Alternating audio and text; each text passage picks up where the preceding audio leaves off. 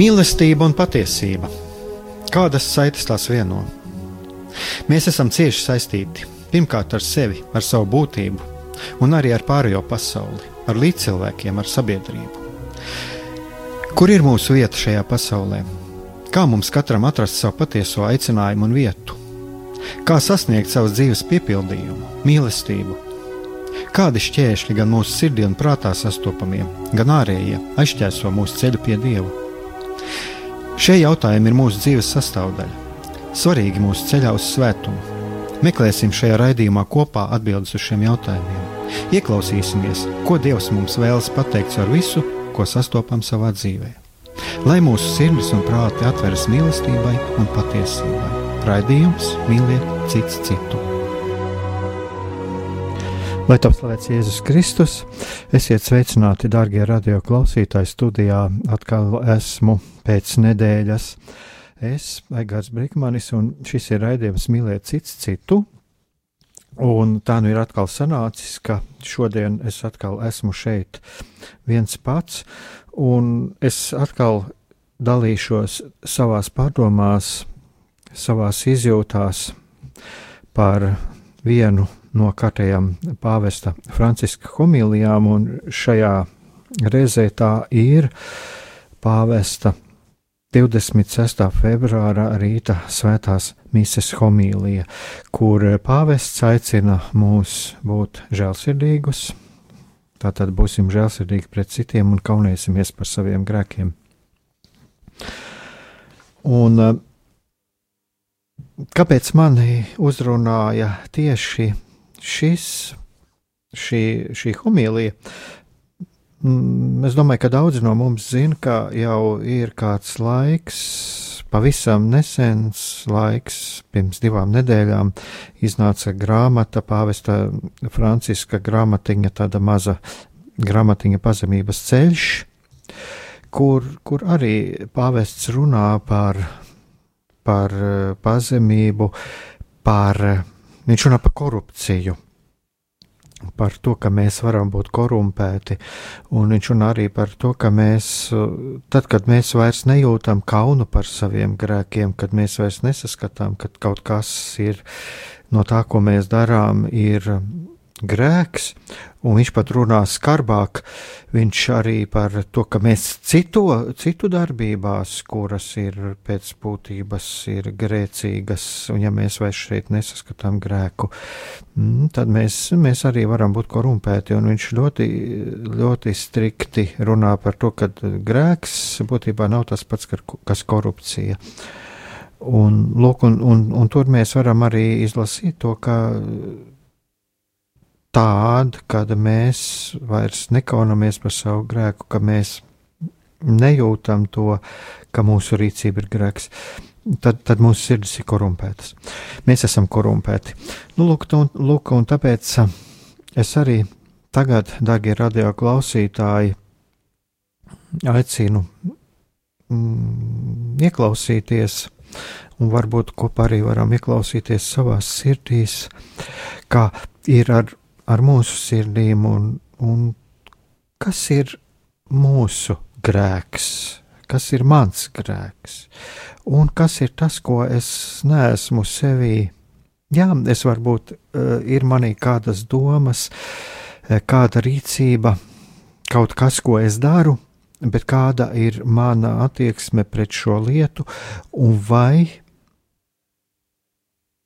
visas lietas, ko es daru, ir uh, dievam un arī maniem līdzcilvēkiem pieņemamas. Un lūk, tā, tā arī pāvests. Tāpēc šajā homilijā viņš atgādināja to, ka baznīca lielajā gavēnī mudina mūs iekšēji atjaunoties. Un Pāvests atsaucoties arī uz dienas evaņģēlīja lasījumu, run, uh, uz evaņģēlīja lasījumu, viņš runā par to, ka šodienas īsajā evaņģēlīja fragmentā lasām: Esiet žēlsirdīgi, kā arī jūsu tēvs ir žēlsirdīgs. Netiesājiet, un jūs netiksiet tiesāti. Nepazudiniet, piedodiet, dodiet Un kāpēc es runāju par šo atpazīšanu un ieklausīšanos sevī?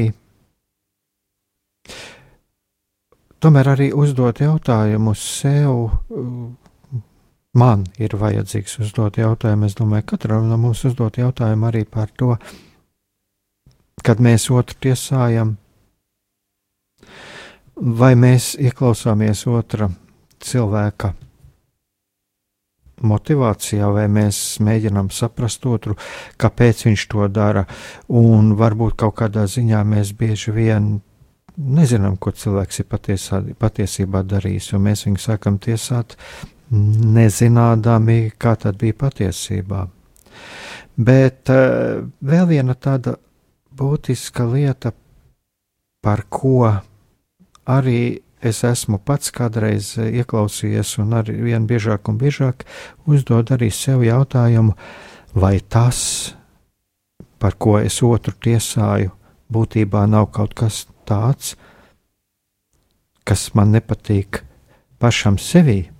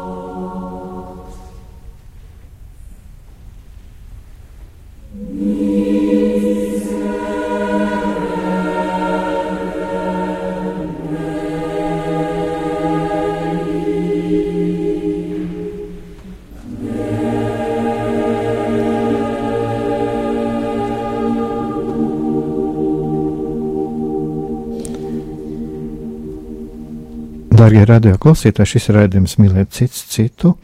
Studijā esmu Egāns Brikmanis, un šodien es dalos savās pārdomās un arī savās izjūtās par pāvesta Franciska 26. februāra rīta svētās misijas homīliju, kur pāvests aicina mūs būt žēlsirdīgiem pret citiem un uh, kaunēties par saviem grēkiem. Un Es arī aicinu jūs saprast to, ka šeit nav kaut kāda no manas puses, kaut kāda pāvesta homīlijas skaidrojums. Es nebūtu nemēģinu skaidrot jums, ko pāvests ir vēlējies pateikt. Un es domāju, ka jūs, kas sekojat līdzi, kas sekojat līdzi Vatikāna radio, un šī, šī homīlija ir arī atrodama šis teksts Vatikāna radio mājaslapā, es domāju, ka jūs katrs eh, spējiet saprast, jūs esat gudri, spējīgi saprast, ko pāvests ar šiem vārdiem saka. Bet ehm, šeit ir runa par to, kad ieklausīties sevī, kādas iekšējās stīgas mums ehm, aizskar katram personīgi tas, ko saka pāvests, un tas ir tāpat kā ar svētajiem rakstiem.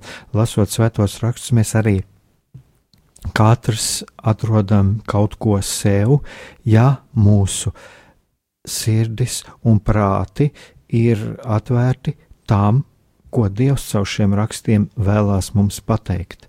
Un, un tāpēc arī šis, eh, šie pāvesta vārdi, ko viņš saka savās homīlijās, viņi mūs var uzrunāt katru atsevišķi savādāk. Mēs ar prātu saprotam, ko pāvests vēlās pateikt, bet eh, ļoti svarīgi ir ieklausīties arī mūsu sirdīs. Kādas atskaņas no šiem pāvesta vārdiem ir mūsu sirdīs.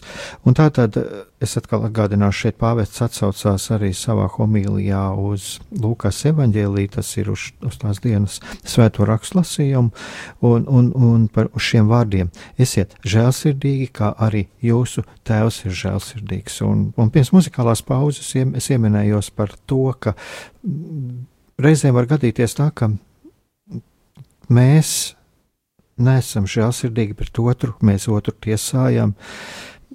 Bet mēs viņu tiesājam par ko? Mēs viņu tiesājam par kaut kādu lietu, ko mēs saskatām otrā cilvēkā, bet kas ir būtiski raksturīga mums pašiem, un mēs baidāmies no tā. Un šis otrs cilvēks mums ir kā tāds spogulis, kurš mums patiesībā palīdz saskatīt to, kas ir grejs mūsos pašos.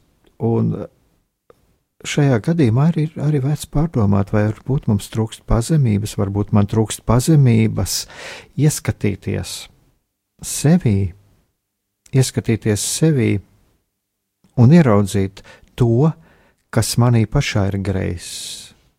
Tātad nevis šajā otrajā cilvēkā tik daudz, bet manī pašā. Un tādēļ netiesājiet, un jūs netiksiet tiesāti. Pāvests. Es šeit lasu, tagad uh, izlasīšu arī citātu, ko, kas ir atrodams uh, Vatikāna radio mājaslapā, un lūk, kas tur ir rakstīts.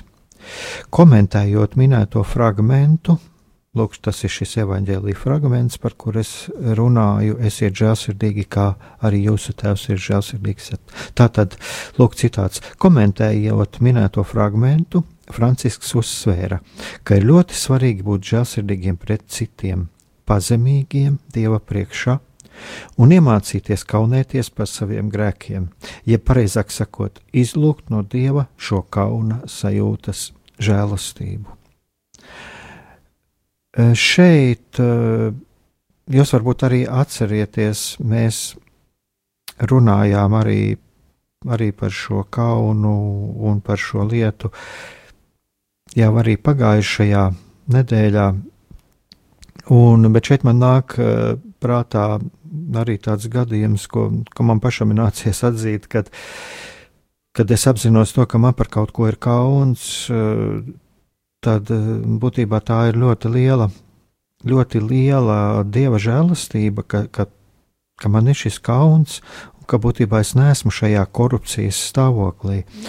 Un es atceros, es pirms kāda laika, nu jau ir kāds laiks, laiks pagājis, kad kāds cilvēks raudāja. Un uh, es domāju, viņš varbūt mazliet bija šokēts par to, ka es teicu, ir labi, ka tu raudi, jo tas nozīmē to, ka Dievs vēl runā tavā sirdī. Jo, jā, cilvēks raud, cilvēks raud varbūt par to, ka viņš um, kaut ko nevar sasniegt, cilvēks raud par to, ko viņš ir piedzīvojis, un cilvēks raud arī par to, ka viņam jā, viņš nav mierā ar sevi, bet tas nozīmē, ka viņa sirdī vēl notiek kaut kādas kustības. Un tā tad kaunēties par saviem grēkiem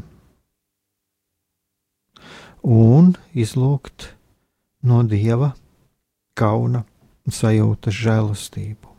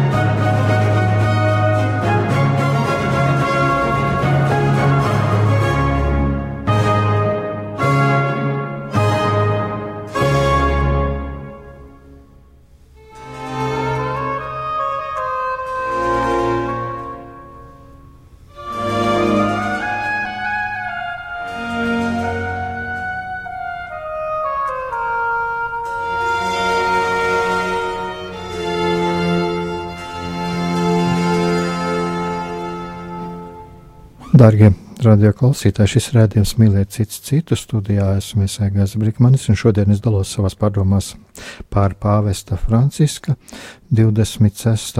februāra rīta svētās misijas homīlī, kur pāvests mūs aicina būt žēlsirdīgiem pret citiem un kaunēties par saviem grēkiem. Un uh, pāvests arī mūs aicina izlūkt no dievam šo kaunu sajūtu, šo kauna sajūtus, sajūtas žēlastību.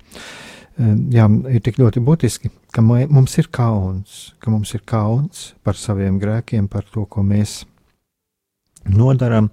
Un es domāju, ka kādreiz mums arī jā, ir arī labi, ja mēs sajūtam kaunu par to, ko mēs pat domājam, par savām domām Dieva priekšā. Un, jā, iepriekšējā reizē, pagājušā nedēļa arī par to runājām, kur pavests, pavests teica tā arī par to, ka iedomāties par to, kā būtu, ja tās lietas, es tagad precīzi nevaru pateikt, ja, bet ja, kā būtu, ja tas, ko mēs darām, tiktu publicēts, ja tas nāktu atklātībā visiem. Es domāju, ka tas arī ir viena no tādām ļoti uh, labām, lab, labs paņēmiens, kā mums uh, iztēloties šo situāciju, kā mēs justos, ja tas, ko mēs darām, ko mēs domājam, kļūtu atkarība, kļūtu, nonāktu atklātībā.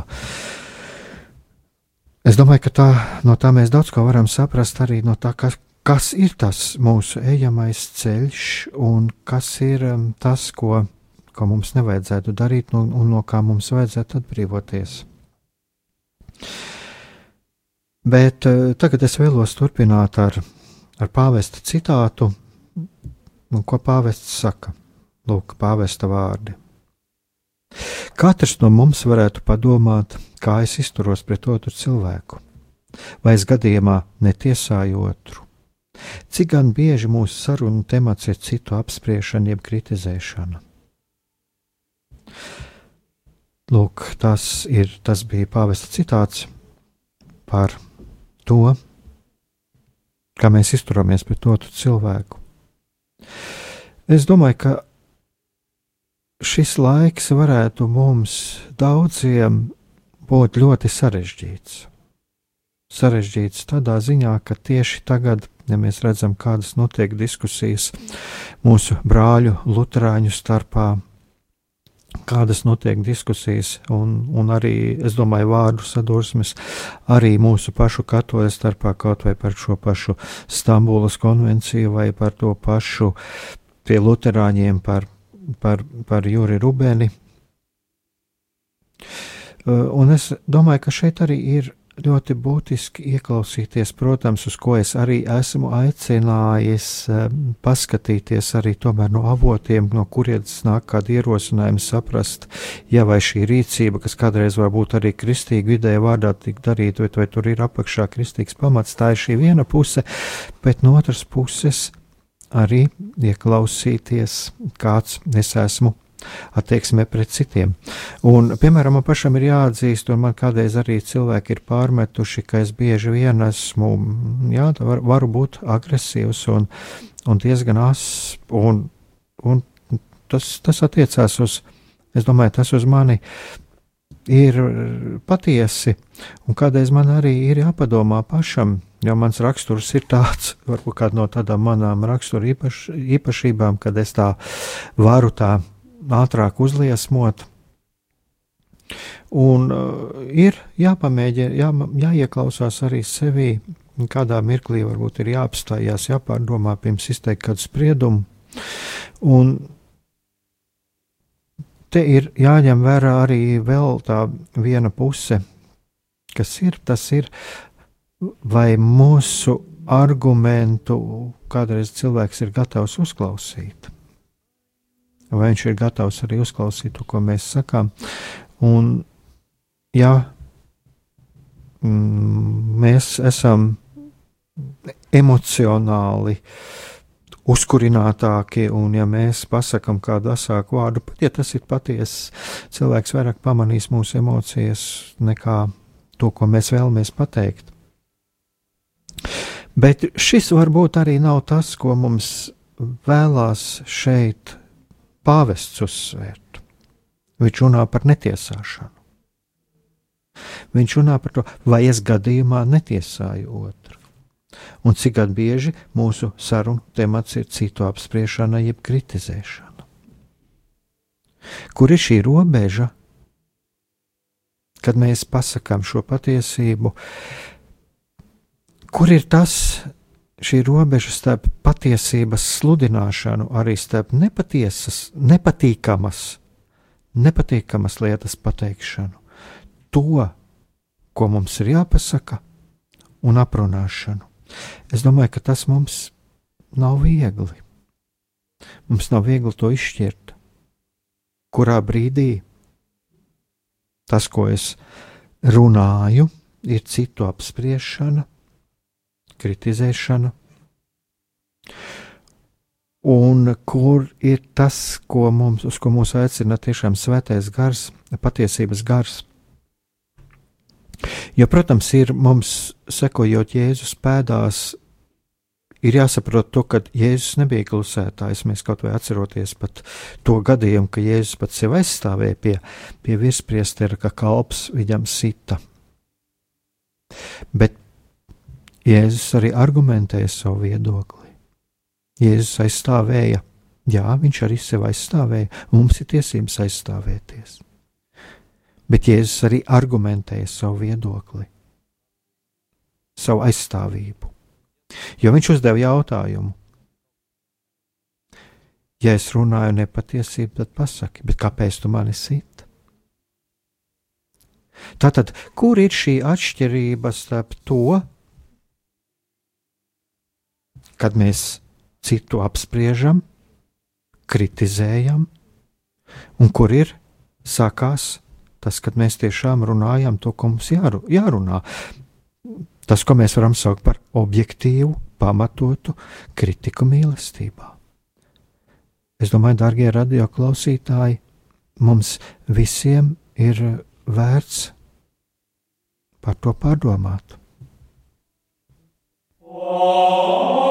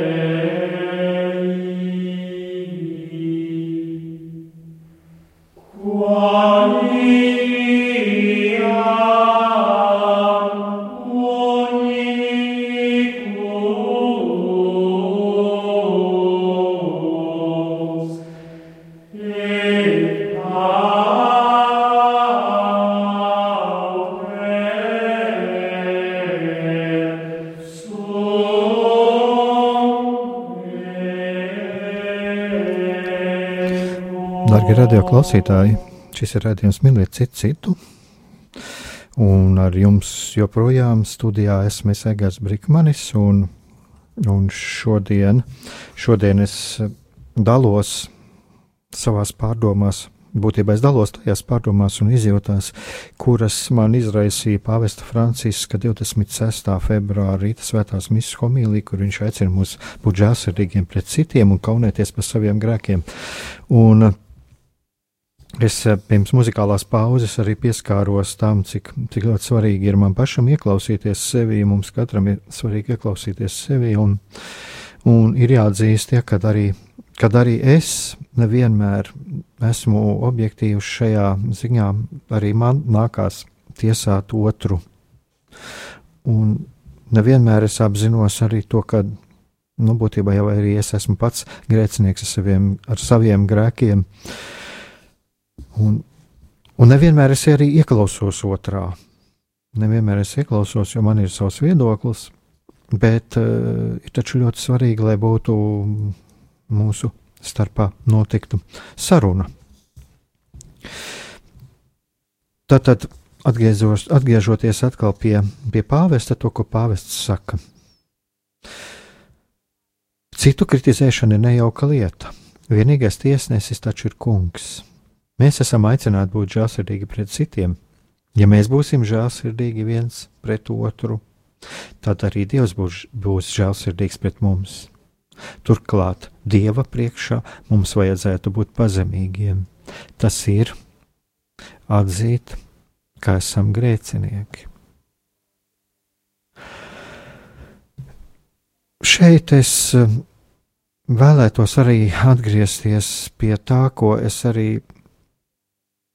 pieminējos raidījuma sākumā par to, ka mm, otrs cilvēks un otrs cilvēka, otrs cilvēka kāds grēks vai kāds netikums var būt tāds spogulis, kas parāda to, kas mums nepatīk mūsos pašos. Un tāpēc es arī aicinu par to padomāt cik ļoti svarīgi varbūt ir apzināties tieši šajā situācijā, kad ja manī kaut kas nepatīk otrā cilvēkā, varbūt paskatīties, vai tas nav kaut kas manī pašā. Varbūt Dievs ir uh, savā žēlastībā man sūtījis šo cilvēku, lai es mainītu pats sevi, mainītu kaut ko pats sevī.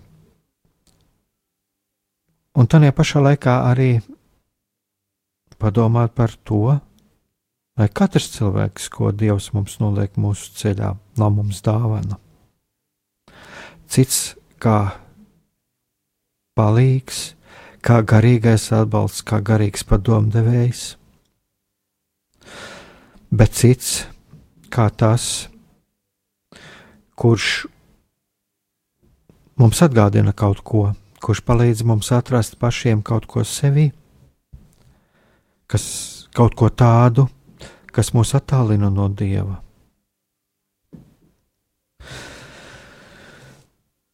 Tātad pāvests aicina mūs Dievu priekšā būt pazemīgiem un atzīt, ka, es, ka esam grēcinieki. Vai nav tā, ka reizēm es tiesāju otru cilvēku tāpēc, ka es sevi esmu paaugstinājis, un neredz to, ka es esmu pats grēcinieks. Tāds grēcinieks, kuram ar savu grēku ir jāpieliecās otram pretī un jāmēģina ar šo otru kopā iet ārā no šīs grēka situācijas. Tā tad nevis tiesāt, bet saprast otru.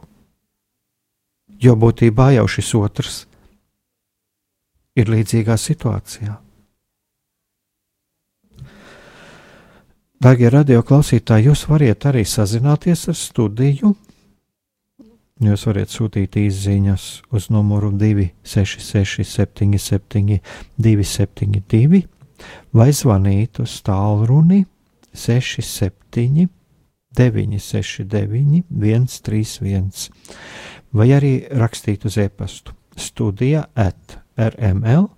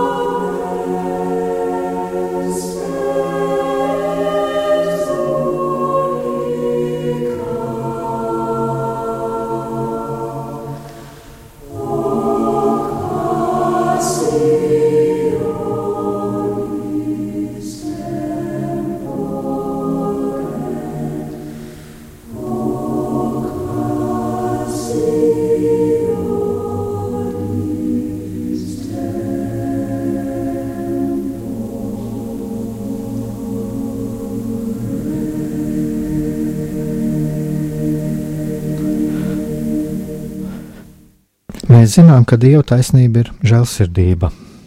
Mums ir jāsaka tā, tev pienāks taisnība, bet mums kauns. Šie ir pāvesta vārdi. Un eh, varbūt mēs katrs arī varam ieklausīties šajos vārdos. Dieva taisnība ir žēlsirdība. Tev pienāks taisnība, bet mums kauns. Un e, tālāk pāvests runā. Tad, kad dieva taisnība satiekas ar mūsu kaunu, rodas atdošana.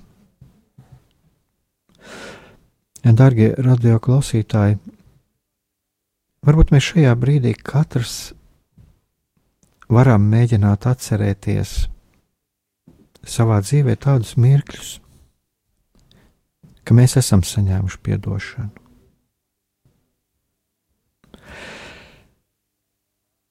Ka mēs esam grēkojuši, mēs esam darījuši pāri, bet mēs esam saņēmuši atdošanu.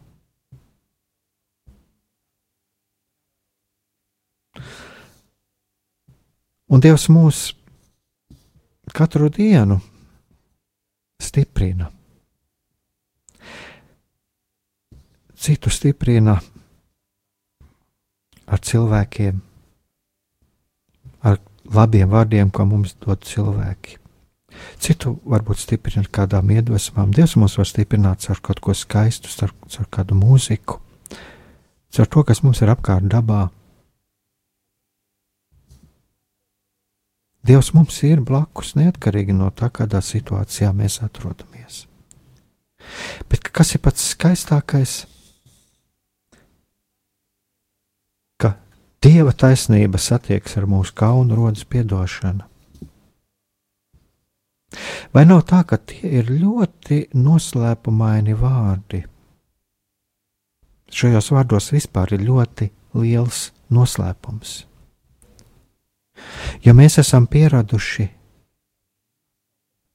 skatīties no principa es tev, tu man, kā es tev, tā tu man.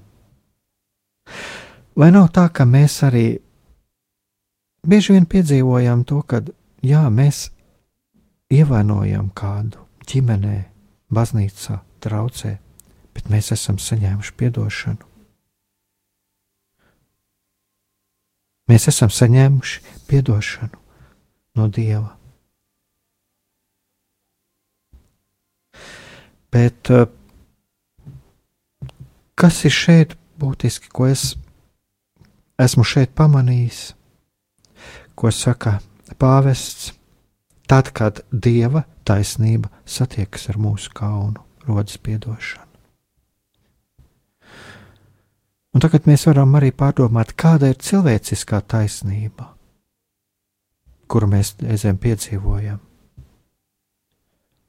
Mēs sāpinām citus, bet, protams, arī mēs piedzīvojam to, ka mēs esam sāpināti no citiem.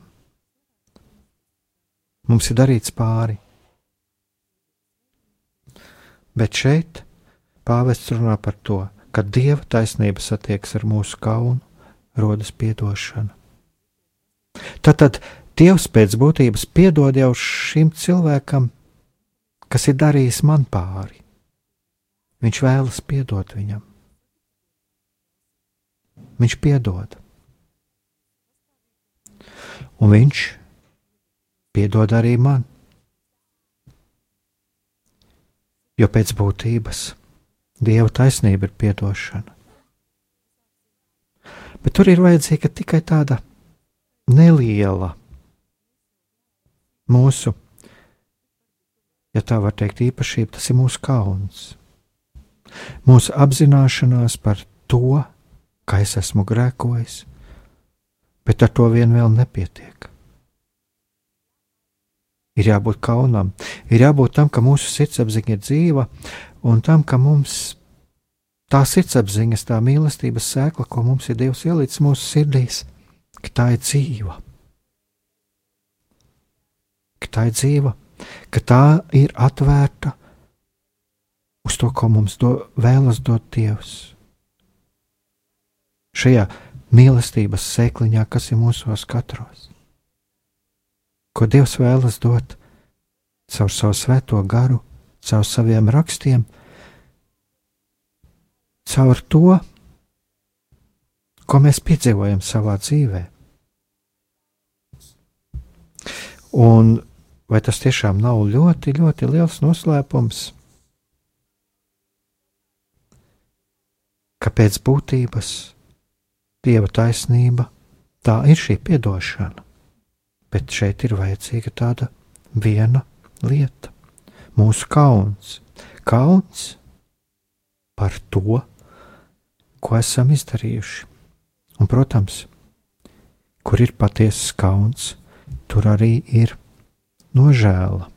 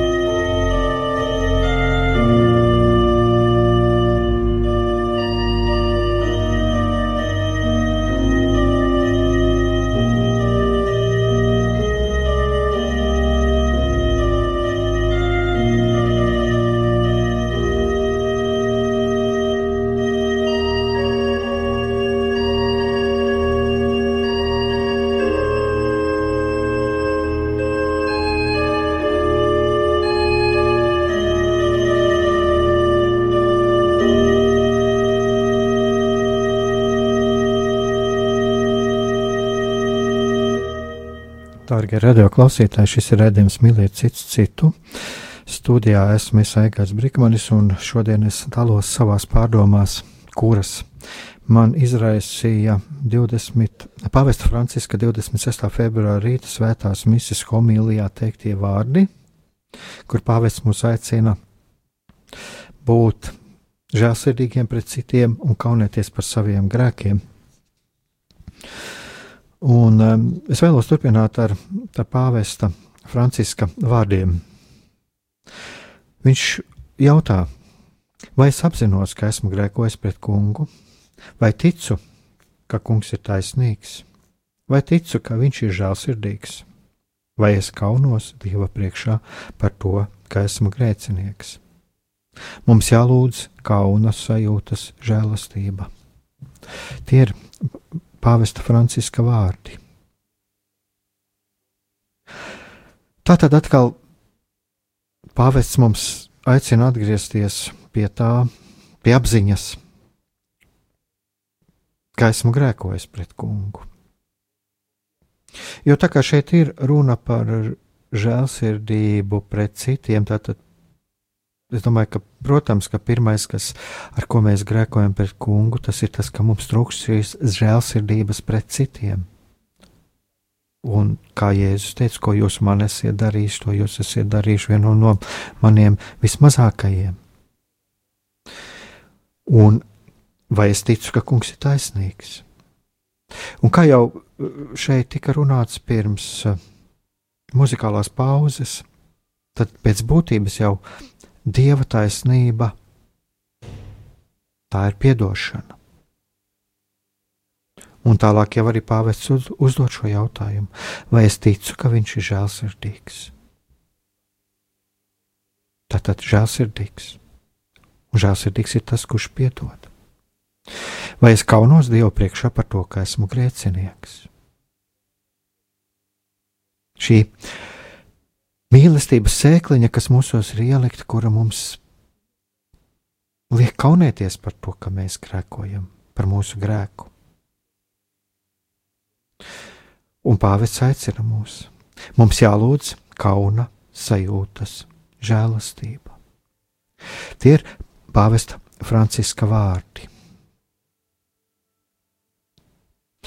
Un noslēgumā arī pāvests saka, Kauna sajūta ir liela žēlastība. Un pāvests aicina mums arī paturēt prātā, ka ar kādu mēru es tiesāšu, ar tādu mēru arī pats tikšu tiesāts. Tātad ļoti, ļoti vienkārša liekas ļoti vienkārša, ir šī atslēga netiesāt otru, piedot, saprast. Vārdos liekas viegli, bet pēc būtības es pats zinu, tas nav viegli. Tas nav viegli. Tāpēc jā, ir jālūdz šī žēlastība lai es kaunētos par saviem grēkiem. Un viens no, kaun, viens no grēkiem, par kuru vajadzētu kaunēties, ir arī tas, ka mēs tiesājam un izdarām pārsteidzīgus spriedumus, ka mēs aprunājam citus. Ka mūsos trūkst šīs mīlestības un vēlēšanās ieklausīties otrā un otru saprast. Un Ko vēl pāvests saka? Viņš tā tad neaicina mūs būt pat pasīviem. Kādā brīdī mums ir jāpasaka arī, un jāpasaka šī nepatīkamā lieta, kas varbūt otram var nepatikt, un varbūt pat būt sāpīga. Bet ko pāvests saka? Ja es kaut ko par otru saku, tad to jādara ar lielu mīlestību un žēlsirdību. Šeit gan vairāk ir runāts par to, ko es saku par otru citam cilvēkam. Tā tad atkal, bet kādā veidā es to pasaku.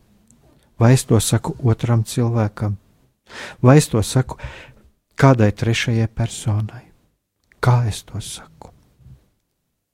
Man tas ir jādara ar lielu mīlestību un žēlsirdību. Tātad ar mīlestību, cieņu pret šo otru cilvēku. Un pirmkārt jau tas jāsaka un jādara šī paša cilvēka, viņa labuma dēļ.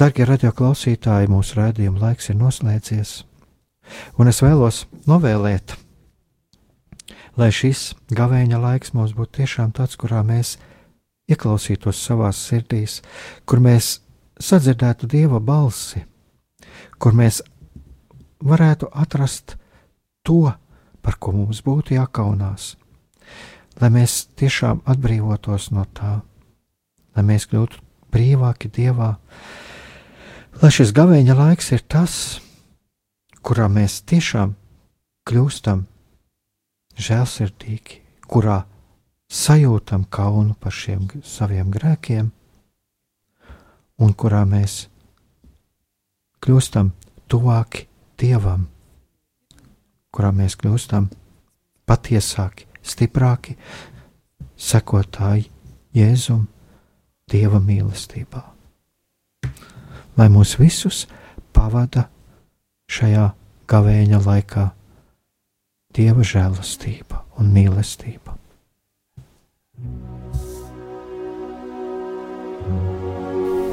Mīlestība un patiesība.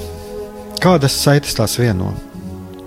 Mēs esam cieši saistīti pirmkārt ar sevi, ar savu būtību, un arī ar pārējo pasauli, ar līdzcilvēkiem, ar sabiedrību. Kur ir mūsu vieta šajā pasaulē? Kā mums katram atrast savu patieso aicinājumu un vietu? Kā sasniegt savas dzīves piepildījumu, mīlestību? Kādi šķēršļi gan mūsu sirdī un prātā sastopamie, gan ārējie aizķēso mūsu ceļu pie Dieva? Šie jautājumi ir mūsu dzīves sastāvdaļa, svarīgi mūsu ceļā uz svētumu. Meklēsim šajā raidījumā kopā atbildes uz šiem jautājumiem. Ieklausīsimies, ko Dievs mums vēlas pateikt ar visu, ko sastopam savā dzīvē. Lai mūsu sirds un prāti atveras mīlestībai un patiesībai, raidījums mīliet citu citu